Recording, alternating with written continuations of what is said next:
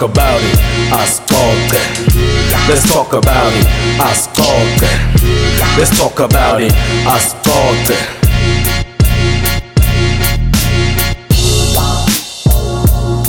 episode 42 i-asixoxe naprince vilakazi. Uma kuyi-episode yakho yokucala pressa follow khona la ku-spotify utothola onke lama-episode le siwendayo kusukela ku-episode 1 tofika ku-episode yethu yanamhla then sine-facebook page ibhale asixoxe naprince vilakazi. Like ubuke konke lesikhuluma ngako even nema-guest utowabona lapha kuleli page lethu la ku-facebook. Sine-youtube channel sivameke ku-athenda lama-event lesinokukhuluma ngawo la. So uma ufuna kubona ama-video ethu ukuthi kwendekeni hamba ubuka i-channel yethu i-prince valley media.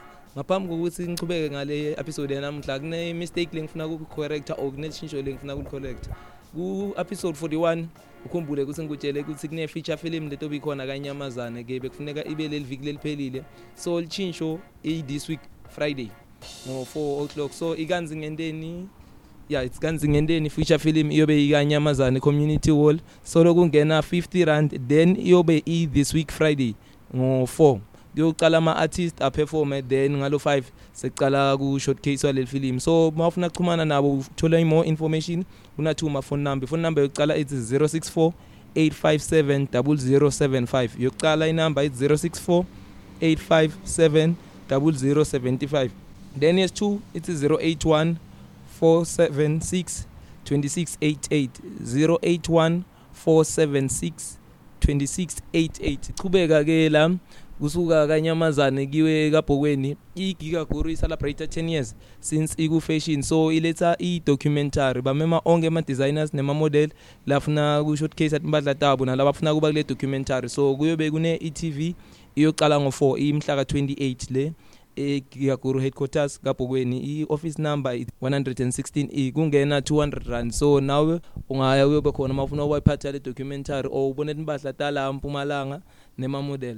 Then kudlulela phambili i episode 41 yam. Bengina sisilobuya kumabutho foundation. So noma imabutho NPO iletha i sanitary towel drive bayiqale ngo6 May yophela ke ngo6 June la labantu ovakashela khona esikolweni so bacela uba donate kuze ba donate labantwana laba labangakhona ke ku afford lama sanitary towel. I-donation yabo iqala ku-5 rand bathi 5 rand goes a long way. So ungaba donatela kuze uchumane nabo uhamba ku-facebook instagram ubuke emabutho bafati. Then uchumana nabo or ubuke bulelwa m inamba yakhe ithi 063 66 08 311 utochumana naye. Kumbe ulandzele onke lama-episode lawa. I-episode yakhe i-recent utoyilalela then mangabe-ke ufisa kuba ne-perfume yakho or ufisa kuba nemafutha akho i-golden lovers iletha i-training ke yabantu labafuna kuba ne-cosmetic brand yabo. Ma-training ayi-2 ya-onlining 450 then i-training le itobe ila kule area yasembombela ke ing 600 rand. Batokufundisa kwenta i-perfume lo ngachumana naye ngitoris yesibanyoni ku-facebook naku-instagram. Inamba yakhe ithi 079 065 3168 angiphinze inamba yakhe ithi 079 065 3168 ngitoris sibanyoni engicina ngayo mangabe uthanza i-hip hop kumbe wenta music hip hop boss level session 2 le. Iyobe solo seyigigaguru headquarters kabhokweni icala ngo-2 o'clock. Kumenywa onke ama-artist la afuna kuperforma la la yona umculo we-hip hop eh good book uyatibhuka wena kuna booking ufika early lapha uyaregister then uyoperforma and performa for free. Akuna booking lekhona then mangabe uthanza umculo we-hip hop nawe buya utoba khona ke la. Mangabe ufuna more information buka pressure ku Facebook noma ubuka pressure SA utochumana naye. Nguye lo hostel event le. Kungena ku episode yanamhla eh lesinabo la ngibo bonke labangenda onke lama artists kumbe lama event lebengikhuluma ngawo lawa ahlobe i-magazine eh batibita nge-perfect magazine. Kuna-t ekugcineni but lo t usilence then nalo perfect kuna-k sitothola ukuthi why kwenteke njalo. Le magazine le ihlukile kunalamanye ama-magazine. Yes i-digital nawo njengoba onke ama-magazine yalo ama-creator aya-digital. But uma ungabe utofika utosola uthola onke like ma-copy kumbe le magazine iphumile ngoba nyalo kwentekani banokubhala story bashiye online bantu but still yona isacuba le format ye-magazine uyayithola i-22 pages uyidownloade le magazine online.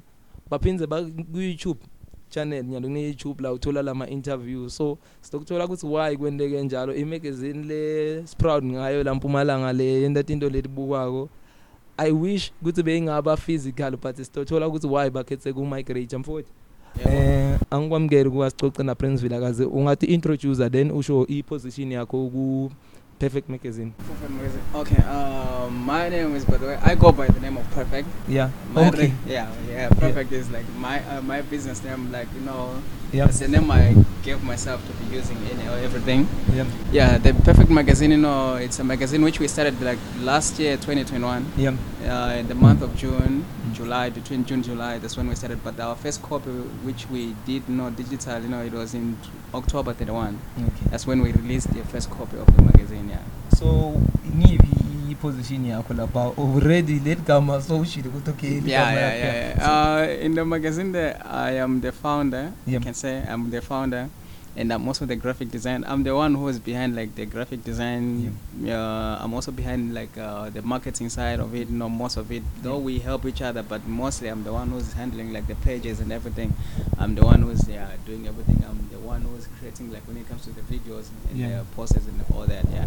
so kune video le yenda ipromo ukuthi bantu babe lapha kule magazine so nguwe lapha abantu mabatoyibona Yeah. in that video then kule magazine ngilogcoke isuit le brown Yeah. Yeah. Yeah. yeah. Give me now. okay then the perfect il- ilgama lakho or uchinjile because yes this is perfect but Yeah, kuna yeah. k and the t is silent Uh, yes, yes. I changed the, the instead of uh, C to be K. Yeah. I wanted to be different. Like you know, that's how I do things. You know, when there is something you know which common everyone knows, eh? Yeah. I make sure that I have to change it to be my own way. Yeah. Yeah. But people they have to say, okay, this is unique. It's uh, really perfect. It's on this side. this yes side. yes Yeah, yes yeah, yes yes yeah, sure. yini le inspire ukuthi niqale le magazine lem because yes i'm happy ukuthi iqale 2021 nami bengibukele ukuthi okay maybe i problem ye lockdown what's going on but yini le inspire ukuthi nende le magazine Uh, actually, the magazine I can say it didn't start in 2021, but then to say physically that we are doing it, Yeah. we started doing it 21. But it's a dream which I've had for a long time. You know, I've always wanted to help people, like you know, more especially like entrepreneurs,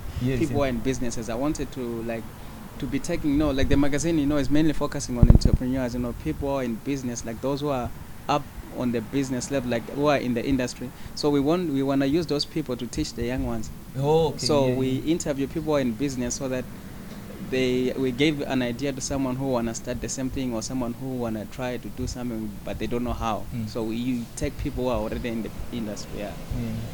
njengoba uthi ku-interview ama-entrepreneurs something kufuna ube isukela kuwe because awuzinto obukisela ngami i'm doing this but this platform iqhamuke ku-throughbo radio nani nani then ngike nga-interview labanye labama-magazine ukuthi okay bebede i-platform bona so nawe uyi-entrepreneur because ngeke uma niyosukela ama-entrepreneur ungase i-entrepreneur yes this is a business already Yeah, yeah, yeah. yeah, yeah. Yeah, no, I, I'm I'm also an entrepreneur. I'm in business. Yeah. Um, doing my own business. I have a shop whereby I do printing, I do photography, I do videography, yeah. I do graphic design. I'm doing digital marketing. So, Mm. yeah, I'm an entrepreneur, but I'm also helping other people Yeah. at the same time. Yeah. since uthi iqale kudzala this magazine ayikaqali nyalo benendani because nyalo ngiyithole seyiku-digital nike naba nema-physical copy or vele you went ukuthi okay siya digital thina I know before it was not uh, like anyway, it was just in a book, you know, written down that okay, this is what Okay. we want to do. yeah Yeah, you know, having a dream, you know, a vision, and then you write it down that okay, this is what I want to do. But then now, 2021, it, it's when it started manifesting, like to be showing out that okay, Mm. we have a magazine. Yeah. kubani laba lapha kulama oh before siya ngala abantu laba lapha kule magazine le team bengifuna le team Yeah. so idila ngani focus because ukhuluma ngema-entrepreneur but ayikhulumi ngema-entrepreneur odwana uma ngathi uyayibuka le magazine khona la interview khona ama-artist khona la interview khona ama-radio personalities yes akhona lama-entrepreneur sebobani le nibuke bona For now, we so far when it comes to the interviews, eh, Yeah. at first with the magazines, you know, we did everyone like we were taking, you know, like um, artists and and, Yes, uh, yes, and yes. the likes, because you know we have a challenge whereby you know, okay, people they uh, want to be in the magazine, but Yeah. us we are mainly focusing on entrepreneurs. So we trying to find a way to say how can we accommodate everyone? Because as, Oh, an, as an yeah. artist, you know, so there are some artists you know want to come and put be in the magazine Yes. but then us we are focusing on people who are in business you know so we trying to find a way to say okay how can we take like people also Yeah. to be featured in the magazine because yeah at the end of the day music it's a business to Yeah. them. yeah so we just need to find a way to put them inside and yeah that's how we're doing it then do you have number of copies mani kula ma magazine because yes i see lenye be ina 18 or niya ngale content kuthi okay this is how many people we interview so we're going to go with that number or you have a number kuthi okay our pages i 22 pages as reach the standard list Yeah, for now, you know, we are dealing with uh, mainly 20 pages. uh, When when we do the digital one, like uh, the one we wanna, the elect- electronic one for people to download, yeah we're doing 20 pages. But apart from that, for now we are busy mainly focusing on the, doing the live interviews, the video, the video interviews. yeah Yeah, because uh, we're seeing that those are getting more engagement than the, the people reading. You know, people are they're Yeah. lazy to read than to watch. You see, so that's the challenge Yeah, right yeah. now. okay because ngiloko lebengifuna ukuthola ukuthi yes if ubuka lama copy lapha the digital magazine it's good because we are go download that's why it's, it's still a magazine there's no difference Yeah. for me you scroll even down lama pages akhona aphelele so kuyafana nale physical copy net ukuthi okay ku digital nyalo but And, and, and you know uh, the reason why we choose it to be digital, you know, is because you know the digital one, you know, Mm. us we are working with everyone, the whole world. We are not limiting ourselves. Yeah. We are taking everyone. So let's say, for example, we are working with someone from Ghana. yeah, So if it is a physical thing, how are they gonna get it in Ghana? okay yes, so we yes, are yes. using the digital so that we are able to reach as many people as we can everywhere. They have to download it. So Yeah. that's our target. That's why we're using it digital. We we will be doing you know the, the copy ones, you know, but they will only be the only now spread, you know, Okay. Mpumalanga, Mpumalanga, but most of it will push it digital. Yeah, yeah. Uh, the digital one qale mu- last year because le ma video iya nyalo so how was the response or the support? Because yes you say people they want to be in the magazine. Yeah. that's why i think ngikon reach ama numbers langaka through ngala ma magazine so lon khona kwakhe iciphi Yeah. then le respond benjani to people ba lana spread or outside njengoba uthi i digital.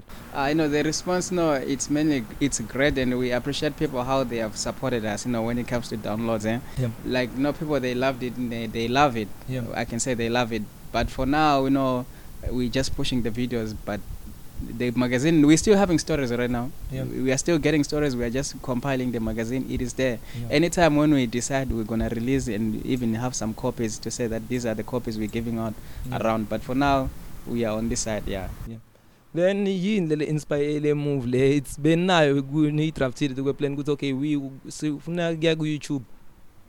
Yeah yeah Yeah, we, we, we planned that we drafted because you know we are a team, eh? So Yeah. we sit down, we talk, you know, how can we do this? What can we do? So we said, okay, for us, you know, since we are a digital magazine, we need to use you know online platforms like YouTube, you know, Yeah. Instagram, Yeah. Facebook, and stuff. Though Instagram we haven't opened. Yeah, right yeah, now, yeah. if you check, we're only using Facebook yes. because we still want to get you know, more engagement. We want to get more people before we go to Instagram. Yeah. Then we go to all other platforms. But for now, we're using a Facebook page and uh, Instagram. And, uh, I mean, what is it? YouTube? Yeah. yeah ngoba ngisafuna ukubuta lokuthi even nala kule magazine vele it's written ukuthi okay hamba ku Facebook like the website then nale website so bengifuna understand lokho but I'm yeah happy ukuthi you uh, we also have a website but then you know uh, people they still scared to go to a website they you know uh, let me talk about we black people yeah we're not used to the website things you know we don't even if we say go and download in a website yeah that's why we're using facebook Mm. once they click facebook it will take them straight to to the website without them knowing but Yeah. they would download it on the website yeah mm. you know people they scared of losing data you know when it comes to a website so that's why we're pushing on facebook yeah I think it depends because people that are buying online they use the um, what is this like stuff like Apple Take and stuff. yeah yeah when yeah. you buy online, you use. But Go it, to it depends. I'm not sure with why, uh, but I get your point.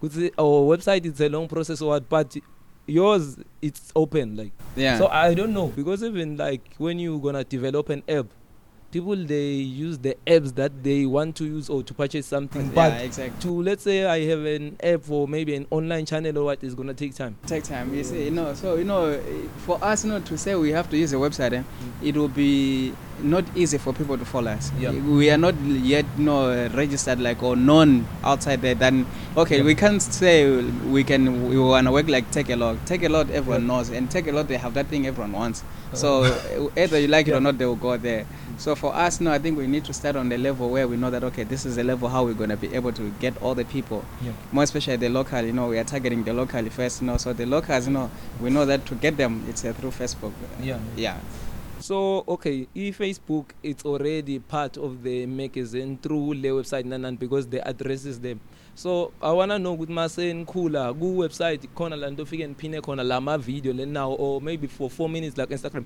njengoba niphine lawa le maphina ku-facebook Yeah. ukuthi okay people that labajwayele kusebenzisa le website or Yeah. sometimes let's say businesses because uh, maybe there are few business or business people that go on the YouTube channel. Mm. They wanna see maybe your profile On the we- well, on the website. So yeah. into iphina lelo na le YouTube channel.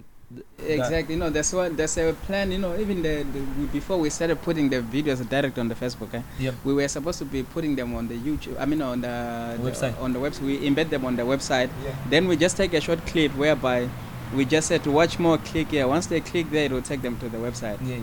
But we're still gonna do it. For now, just said we just want to get the more engagement. But then, as time goes, we'll be doing like that. Yeah. Kune-space sema-advertisers so anyone lofuna ku-advertisa ibhizinisi yakhe uchumana nanjani because yes there's space for advertise. it's a magazine Yeah, it? yeah, so they have we to have to advertise. you know, advertise like even through the videos, they can also come and advertise. You know, on the on the uh, as we are showing the interviews. oh yeah, yeah we need the uh, adverts to be inside the videos there, you know, for them to benefit more. yeah, yeah. So you know, if they want to advertise with us, you know, they can mainly come straight to our inbox, and then they'll ask the details, and then we also gonna ask them the questions about the advertisement, what they are, not, what they want to advertise, yeah. and uh, for how long or how big it is, you know, such kind of information. That's what we need, you know. But they can come and uh, talk to us. You know, we are ready. We are mainly helping people. Yeah. Yeah. So kuletha the structure because yes people now so, so yeah a perfect magazine and baya ukuthi you are the founder but you're not working alone bobana Yeah. bakhona lapha yes sibone Iron X as a presenter Yeah, kulama- yeah, yeah. the YouTube channel then is need the team yellow Yeah, we have. Uh, okay, first, no, um, I'm the first one who, who is a founder, right? yeah And then secondly, uh, we have uh, Iron X, no, Yep. excellent Bokani. That one, no, he's a manager. He's, he's coming up with all the ideas and saying what we have to do and how we have to do it. Yep. Though he's also acting as you know, cause we are few people, yeah but otherwise he was supposed to be just the manager or the director doing everything. But then he decided to be. And uh, what is this? A presenter, presenter, yeah. because it's also part of his you know, career, you know, to say I'm a presenter. So on the Oh. other side is he's presenting, but on the other side he is managing everything. And we also have a lady who is in Barberton. Her name is Ikebo. Uh, that one she's the editor of the magazine. Yeah. She edits the magazine, and she also has the biggest input in, in the magazine. She's the one who's saying, okay, let the magazine be designed in this way. Can Yeah, you remove nice. this? Can you do that? Wow. She's doing those. You know, she's the editor. Yeah. And we also have another man who's uh, Mangali. So that one, uh, he's the one who created the website okay and he's the one who is also helping in everything. You know, when it comes to the website, he said, "Okay, can you do this here like that? Mm. Can you?" You know, we are all putting inputs. Yeah, I yeah. can't say that I, I'm the founder. I'm doing everything. No, I'll lie. yeah But all of them, you know, all of us, you know, we are having inputs in the magazine. You know, that okay, this week let us interview this kind of person. Mm. This week let's do this. This week let the magazine be like this. We are all helping each other. so But we are four of us. Yeah. okay from now because Mm. since in- seniqale nge-youtube channel Yeah. But yes i-perfect magazine isuka ngale ku-website yeah. nama-copies so nyalo sikuthola both or you gonna focus on the channel then no, it's both. But then you know, uh, you know, uh, to compile a copy, uh, Yeah. the- it's it takes time than the the interview. interview yeah And uh, we are we are right now we are busy compiling the magazine, yeah but in the, at the same time we are still pushing the the interviews. Yeah. so kune duration ukuthi um i-magazine asiqale ngalama copy ukuthi aphuma once a month then ma interview maybe aphuma once a week Uh, the interviews mainly we're supposed to be releasing in every two weeks. okay Every two weeks, though sometimes there are some challenges. That's why we can take time. You know, yeah, we are still starting. You know, we not yet know like steady. And even the same way with the magazine, eh, the the copy one, we're supposed to be releasing like every month. yeah But though there are some challenges, you know, we always meet. You know, like yeah, you know, we we know people they are interested to do it, but then people are lazy to write their story and send it to us. yeah They they wanna be sending like some they do. Sometimes they can record their voice, and then you know when they record it, for us to start writing down, you know, one by one, you know, the Oh, words okay. they saying. You know, it's a lot of work. You understand? So it takes time than we expect. Yeah. yeah uh, i'm happy you mentioned that so an interviewer like ma up and coming business or not an established business or because yes if you gonna interview an up and coming business not disrespect to that Yeah. but it's like there's no experience you're not gonna write and get Mm. there or when uh, you give everyone No, it's everyone. You know, we, we take everyone. Like you know, those who are upcoming, we take them. Yep. Those who are, we take the upcoming ones. But the main point we are doing it Mm. is to take the ones who are already industry to teach these the upcoming ones. oh okay yeah We yeah. want them, the ones who are in the industry, to teach the ones who are coming up. Because even us, in the, the way we are doing our things, eh, yeah. we need those who are already up there to tell us what we need to do Yeah. and which process we can use to get up there. Mm. Yeah, so that's the main part. No, but we're taking everyone. yeah Though the main target is uh, the ones which are already there. yeah yeah Yeah. Okay since now i think for sena 2 years nyalo. So Yeah. senibile like industry you doing great job sekune team. So any advice ku someone longafuna kuqala imagazine? Or let's start that by saying ukuthi okay why i should join the magazine business? Yeah. because nyalo tinto ti move to digital? Yeah, you know, like the magazine industry, no, it's nowadays mainly like if those who wanna join the industry, mm. I can advise them to search the information about the digital, how the digital works. yeah I'm not against the copies, you know, Yes, those yes. print, printed ones, eh? yeah but then they need to have more time to research Mm. how does a magazine works, and also if they can be humble enough to ask someone who's already doing it. Though you know it's hard for uh, us black people now, like myself, I can't go ask someone who's doing a magazine. How did you make it? How they would think like oh, uh, yeah, yeah, uh, totally. you understand. But then it's either you are a competitor uh, or a but you competi- wanna bring me down here yeah, that's what they would think of, you know. So like even us, you know, we know people are having magazines out there, but we can't go and ask them how did you do it, because they would think like we want to start competing with them. Rather, we just find our own ways, you know, to research online or get other people far who are far from us. yeah Yeah. So for those who wanna do the magazine, you know, I can advise them to go for it. yeah It's a man, it's a good, you know, it's a business. It's a good business. It's a good exposure. yeah Only if you know what you're doing. Yeah. Make sure that you know what you are doing before you start doing it. Because you don't wanna start and then on the way two three months, people they don't see you. You are there. You don't exist anymore. yeah Yeah. So that's the advice I can give them. That know what you are doing yeah and be focused. Don't do it because you know you are just seeing people doing it. No, have passion for it. Yeah. then i-focus yenu i- ila mbombela kumbe ila mpumalanga i know ukuthi okay you, you interview everyone it doesn't matter ukuthi you're a south african or what Yeah. but the, i'm talking about the area ukuthi ila or if you wanna interview someone losejozi you will go to joburg yeah. Yeah. You know, it's everywhere. Yeah. Though for now we are just doing it in Pumanga because we are just starting. But uh, even if anyone is in Swaziland, he says, "Come and interview me here." yeah If there is proper transportation and everything settled down, we will go anywhere. Joburg, you know, Cape Town, Durban. We can travel anytime. I have people in Joburg who wants the interviews and stuff. Yeah? yeah We're just waiting for the proper time that okay, we are coming. We go interview them. We are back. yeah Yeah. then people labafuna kunithola for ma interview or lolalele lofuna kubukela lama interview lawa i-website ithini ithini facebook page then ename ye-youtube channel Uh, on the website, no, the website is uh, www.perfectmotion.com. yeah So in the website there, they'll find a page which is Perfect Magazine, yeah and then on the, on our YouTube channel is Straight Perfect Magazine. yeah On the Facebook page, same Perfect Magazine. Yeah. And if they wanna use a phone number to get me fa- to get us fast, you know, they can use the number which is uh, 07 yeah double eight six seven zero eight three six. yeah Yeah, khona le nisifihlele kona lesinga expect or asinibukeni because mina your growth is big especially on the copy side Yeah, and good years like youtube nama will sit and watch yeah. It's okay, what's happening siya because na na two ma interviews nyalo ku youtube ne Okay. yeah so khona lesinga expect lesingakwati le ningasiphathela ngakho Yeah, I know there there are big plans which we are, there are things we are planning. Just that no, we Yeah. don't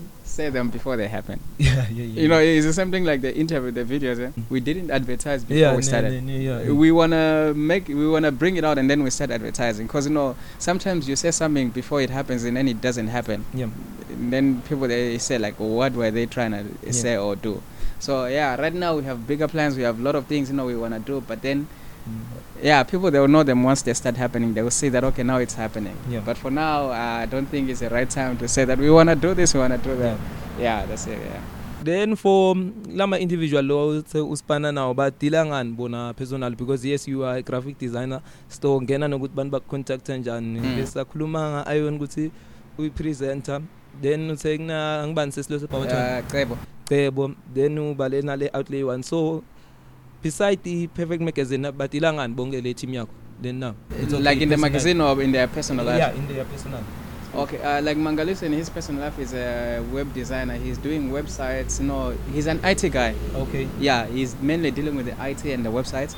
And uh, so mabafuna contacta mangaliso because yes ba- i-website yenu i-designing yibo yeah, bamcontacta njani if they want to get Mangaliso, they just have to get me. okay I'm always with him. He's always at the office with me. So him, uh, we are mainly working together in the office. So if they and if for now he doesn't have a phone, yeah. anyone who wanna call him, they call through me. They find him. yeah Yeah. So the same number I'm using is the same number he's using. the office line spray Yeah, no, spread. Uh, you see, Bester Street. yeah okay Yeah, opposite Louis Furniture. oh Inside the the building called Furniture and Appliances Warehouse. okay Yeah, on the shop uh, number F111. Yeah. Okay as continues bele mangaliso then Mangaliso. And Iron X, you know, he's a what do they call him? He's a he's a uh, he's a trainer. Yeah. He's a personal trainer, but he trains you know, Fitness trainer. Fitness trainer. Yeah, Yeah. he's teaching people fitness. He's uh, just now he was a radio presenter, but I, I think he, he has stopped because he has gotten a job somewhere. He's working somewhere. okay Uh, he's an uh, voiceover artist. Yeah. He's a model. Ish, he has a lot in his plate. You know, like uh, some I don't know, but there are a lot of things he's doing. I think he's also having some business on the side. He's uh, running or Yeah. at home, yeah. And uh, Grebo, she's uh, they're having a, a college here in town. It's uh, they're teaching people how to act and stuff. It's a what is it? It's a creative arts, not creative arts. no uh, Art is alive. art Art is alive. You know, Yeah. they are teaching people, you know, poetry, you know, uh, like acting, Yep. those kind of things, drama, yeah. yeah So that's what she's busy with, and I don't know other things which she's busy with, but that's one of the main things I know she's busy with, yeah. then you beside the magazine And me, beside the magazine, I am a, on my personal life. I'm a graphic designer. Yeah. I'm a photographer. I do videos for people, and I'm a social media marketer for people and businesses and companies. Yeah, hey, I don't know. There, there are a couple of things I'm doing right now at the moment. Yeah, but mainly those are the ones I'm doing. ma video lanjani any video music video like youtube channel videos Yeah. what Yeah, yeah. I do any videos uh, like you know weddings, yeah okay music videos, uh, business. Though my main focus is on the business promo videos, yeah yeah but I can do any other type of video. yeah Yeah. Eh siya- siyabonga lokuthi ute la em ngizocala ngale show siyayithanda i-perfect magazine. So ngiko you. sibitile pride yethu la mpumalanga even noma ningagrowa niye international because in online but i-magazine lekufuna sichenye ngayo le la mpumalanga. Ngishilo i don't know ukuthi le plan leli nisinibhalile nisethi serious nyalo not ukuthi bayavilapha oyi-one everyone lo wenda i-magazine just utobhala story lesiyi-one Mm. ashi but nine still insana le format ukuthi okay we have to compile a magazine or a book a magazine Yeah. iphume so siyajabula i'm happy ngalo msebenzi enwendako No, thank iqhubekani niphushe le growth from la i don't know ukuthi ito yabo le growth yenu because this is already big Yeah, Yeah, yeah, yeah. understand. And uh, by the way, you just reminded me, which means we need you now in the magazine. we need your story in the magazine now. Oh, So um, yeah. uh, we will talk about it. But now you, we need you like on the interview side Yep. and even in the copy in the magazine. You Yeah. have to be there. yes, yes. So the next one we are coming, we are coming to. okay njalo sebangivalile um kukukhumbuta ke la for ma event la khona mangabe solulalile iyasicoce na Princeville kazi isicala nga Friday Friday lesiya ku ikanzingenteni iletha i-film noma baletha screening. Se feature film iyobe ikanyamazane community hall. Kungena 50 rand ticket leli. Kutobe nema artist a local kuyocala ngo4 then bese nzamba ngo 5 cala le filming. Mangabe ufuna kuxhumana nabo ufuna ukuthola more information sebenzisa iphone number lethi 064 857 0075 again it's 064 857 0075 lenye le khona number longayisebenzisa it's 081 476 2688 081 476 2688 then le saturday leyo igiga guru i celebrate 10 years since iku fashion tobe ne documentary lekhona ke la then kuyobe kune ETV indzawo kuse giga guru headquarters kabhokweni industrial park then factory it's factory number 116e ma-ticket ke about sengisanga 200 rand kune-limited space so make sure ukuthi uchumana nabo nawe. Inamba lengingakunika yona lalo ongayisebenzisa for i-gigaguru 079 194 6655 079 1946655 so la bafuna nema-model la tofuna komodela then nema-designers la tofuna kuyo-shortcase yathi impahla tawo nawo angasebenzisa le number le ku-register. Then kule episode lendlulile lengiyendeke na nabulelwa M lobuya kumabutho bafati ke la kune drive lekhona ke sanitary towel drive icala mhla ka6 May yophela mhla ka6 June ke laba collect ama sanitary towel for bantwana bemantombazane laba bangakhoni kwa afforda kutobe kuneti pika batoya etikolweni bafike bakhulume nato. So xhumana nabo kumabutho bafati i-facebook page ne-instagram page yabo labo ne-information utoyithola khona. Idonation le bayicelako bacela 5 rand. Then mangabe ufisa ukuba neperfume yakho le ownwa-ke nguwe ube ngumphathi wayo kune-training letobe ikhona yenzeka la nelsprat so le yenteka online ing-450 then letobe yenteka la nelsprat ing-600 rand. Ungaxhumana nasestories sebanyoni 0 ku-facebook naku instagram inamba yakhe 079 065 3168 079 065 31 68 ngiyo le number yakhe. Yokugcina ke hip hop boss level event number 2 eh, it's event number 3 same place ke ka Giga Guru headquarters eh kaBhukweni. Iyobe imhla ka 18 June. I let's on pressure. Then mangabe wenda i hip hop kumbuthanza umculo we hip hop buyitobukela ama artist iyocala ngo 2 o'clock then till late. Mangabe ufuna kuperforma fika netinto takho early lapha utofika chumane nabo. But mafuna more information chumana na Pressure ku Facebook noma ubuke Pressure SA sitobambana ku episode lelandzelako ye Ascoce na Prince Vilakazi. Make sure ukuthi uzilandzela la ku Spotify uthola onke lama episode Facebook page yethu Ascoce na Prince Vilakazi. Then mangabe ufuna ukubukela ama video lesinawo hamba ku YouTube buke iPrince Valley Media. Sesambile njani? Let's talk about it. Ascoce. Let's talk about it. Ascoce. Let's talk about it. Ascoce.